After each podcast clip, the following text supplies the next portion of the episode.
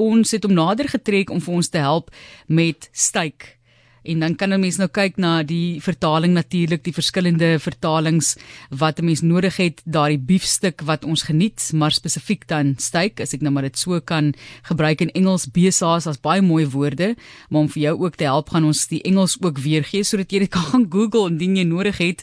En fantastiese kwaliteit wat ons in Suid-Afrika het. Die ons beesvleis in Suid-Afrika is maarder in natuurlike vet 11% sê hulle en as die FSA die FSA sit jy met 33%, Europa 23%. Ek dink die sogenaamde brisket dit ek sien nou hoekom ons in baie keer 'n bietjie meer droog uitkom want ons het minder vet la.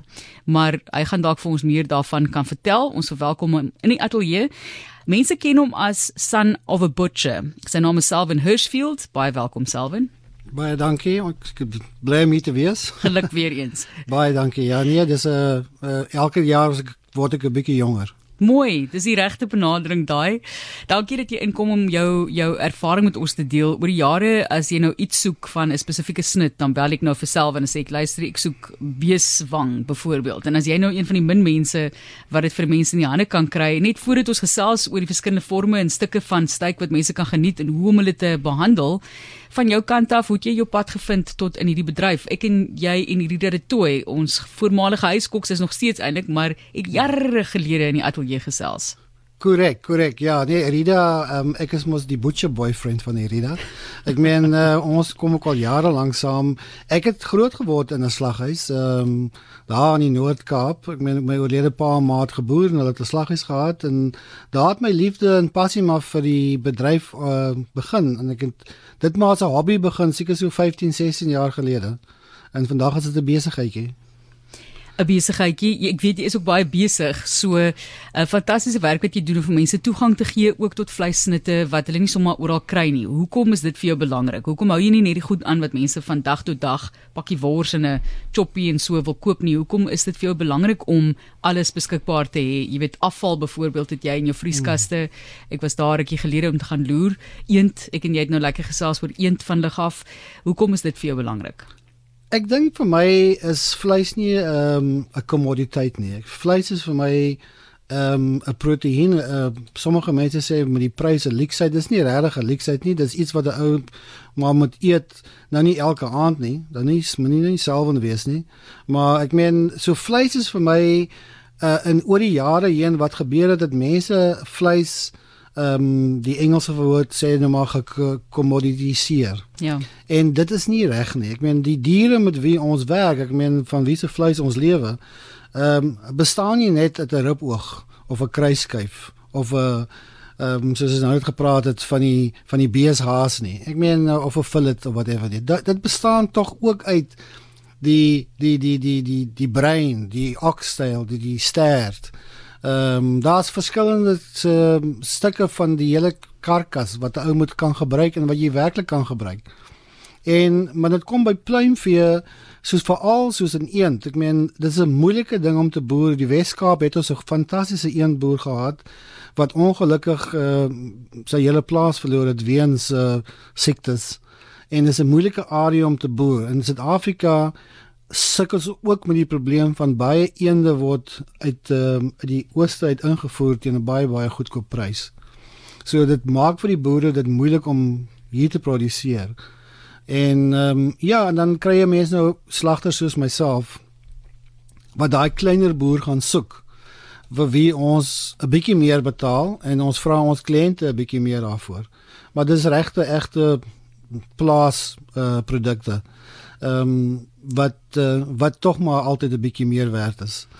As jy nou ooit 'n vraag gehad het oor enige vorm van styk, kan jy nou laat loop. 45889, dis rand 50 per SMS. Ek weet ek het baie vrae en ek werk baie met kos en die afgelope tyd nog meer ehm um, geëksperimenteer met verskillende vleise soos jy gesê het om nie net te kyk na een tipe van vleis nie, maar om meer divers uh te werk te gaan met vleis. Maar hoekom is ons so lief vir steak? Is dit maar net dat hy meer sappig is soos die beeshaas of meer geur soos die lendeskyf? Vertel vir ons waar ons liefde van steak vandaan kom. Ek dink ons liefde vir steak het, het ontwikkel toe die groot supermarkte groepe ehm um, vleis op 'n groot skaal begin bemark het. En ehm um, jou primêre gedeelte van jou van jou karkas, ons is spesifiek van beesteiks praat, is maar basies jou fillet, ehm um, jou kruisskyf soos jou ramp, jou lendeskyf soos jou sirloin soos ons hom altyd ken, jou riboog, die rib eye. Daai is die vier produkte wat uit die bees uitkom wat 90 mense as jy praat van steak ondink dink hulle aan een van daai vier. Uh en daar word baie ander snitte uit die uit die diere uitgesny wat wat net so goed is wat die mense nie ken nie. Wat skaarser is. Ek meen ehm um, en die Franse praat nou van 'n bavette um, of 'n anglais, die tipe terme. Ons praat in Suid-Afrika van 'n 'n skirt steak en die tipe mm. goed. Dus ek meen daar's baie goed wat ons nie regtig um, elke dag op die tafel sien nie. En ek werk met 'n paar uitstekende restaurante en chefs en ons probeer van daai uh Cinderella steaks op die op hulle op hulle uh, spyskaarte kry sodat mense die mense kan voorstel daaraan. Uh, maar ek dink die rede hoekom daai vier groot is, soos wat ek dit nou maar noem, eintlik prominensie ontwikkel. Dit dit het maar gekom van Amerika en van die res van die wêreld en Suid-Afrika het maar gevolg dat jou jou jou groot grootste gedeelte van vleis word vandag bemark deur die groot supermarkte groepe en 'n minder gedeelte deur die deur die independent uh, slaghuise. Kom ons gesels oor ons kwaliteit in Suid-Afrika en gee my kommentaar ook of liewer kommentaar oor die vetinhoud wat ek vroeër na verwys het en is meer beter. Mens praat mos maar van sogenaamde marbling in Engels as jy dit wil gaan opsoek en Amerika baie hoër vetinhoud as in Suid-Afrika. En dan word daar bespiegel oor hormone en die tipe van kos wat hulle gevoer word. So hoe vergelyk ons? Ja ek meen in Suid-Afrika ehm um, die die punt 1 gaan maar oor die genetika. Uh, ons genetika in Suid-Afrika is is meer na geharder tipe diere. Diere wat nie noodwendig vinnig vet wil aansit nie dis hoekom die wagyu bedryf in Suid-Afrika wat maar kom uit uit Japan en Australië stadig besig is op te tel want dit is 'n intensiewe boerdery wat gefokus is op die marbling van die genetika. Die genetika is die marbling van die dier.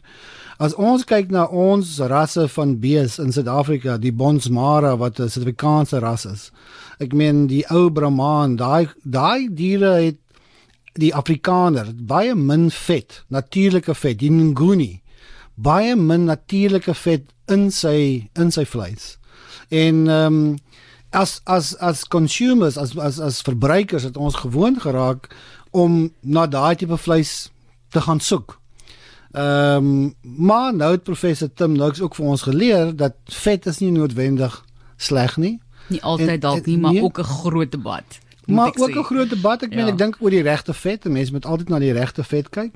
Ek meen en dan die ander uh, storie wat 'n mens maar moet kyk na wanneer dit kom by by die marbling is dat dit is nie net die marbling wat die smaak van 'n van 'n van 'n bees ehm um, beïnvloed nie. Ja. Beïnvloed nie. Dat daar is ander faktore ook.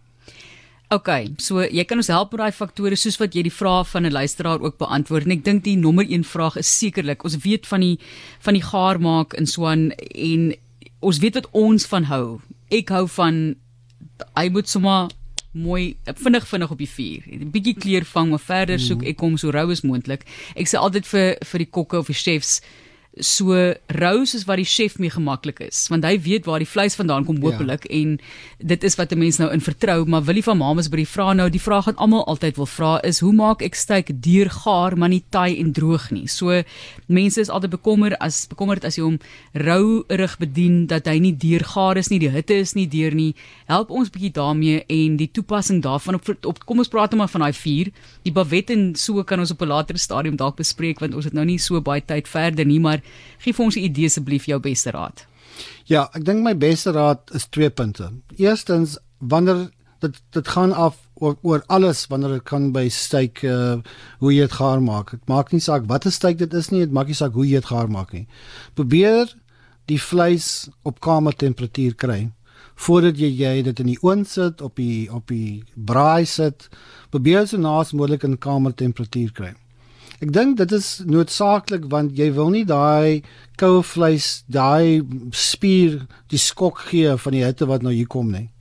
Die tweede fout wat ons almal maak is ons dink dat vleis moet nou op hierdie hitte hitte hitte uh, hittende golwe kom wat jy met hierdie rooi warm kole moet jy nou soos wat jy nou noem vinnig hierso en vinnig daarso. Uh moet dis om net basies die Engelse noem dit seer.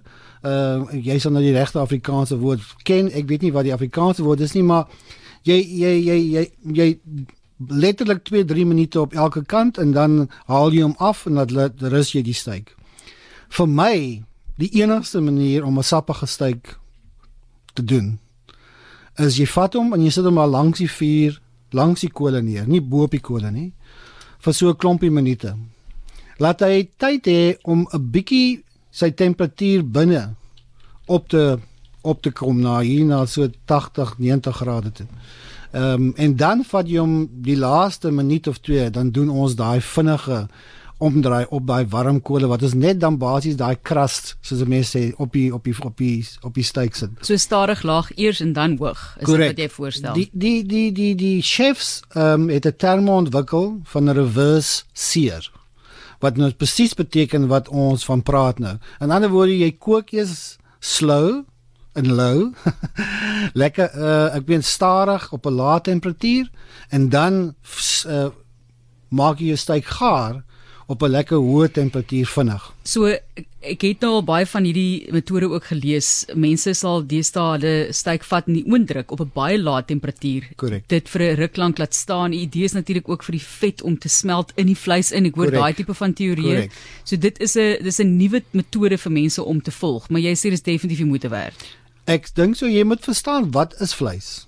Vleis is 75% water. 20% vesel en dan 5% al die minerale, soutte, ehm um, die rooi bloedselle, al die ander selle wat daarin is. So jy jy werk met water. En die lekkerste manier dat jy daai water, jy wil nie water vinnig laat kook nie. Want dan vir, gaan al die water uit en die vesel bly agter en hy bly droog.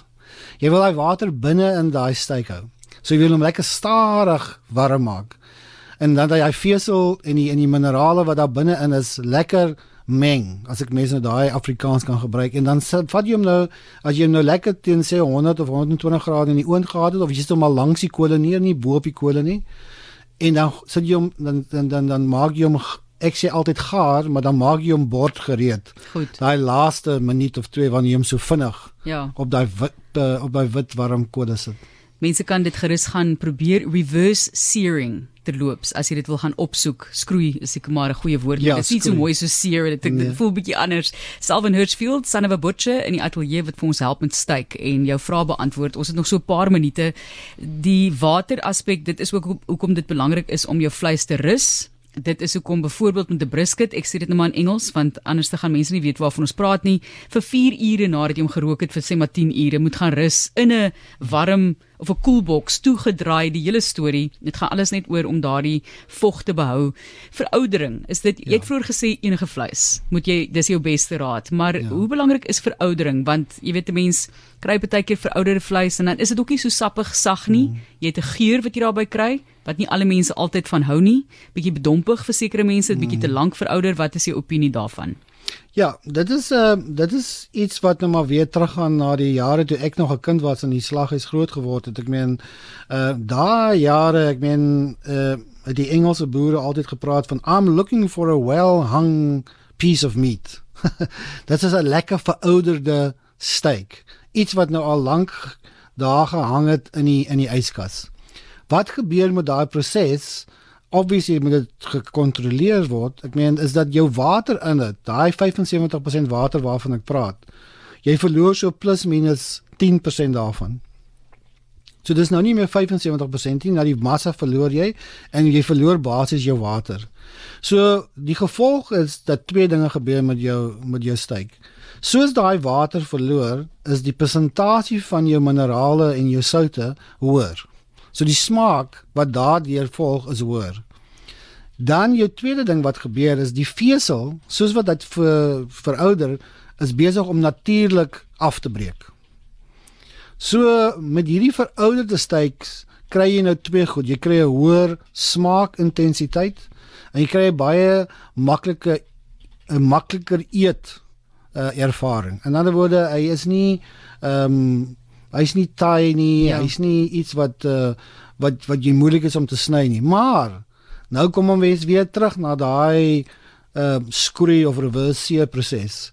Nou raak dit eerder meer kritiek dat jy moet hom nou stadig kook en jy moet hom nie vinnig kook nie.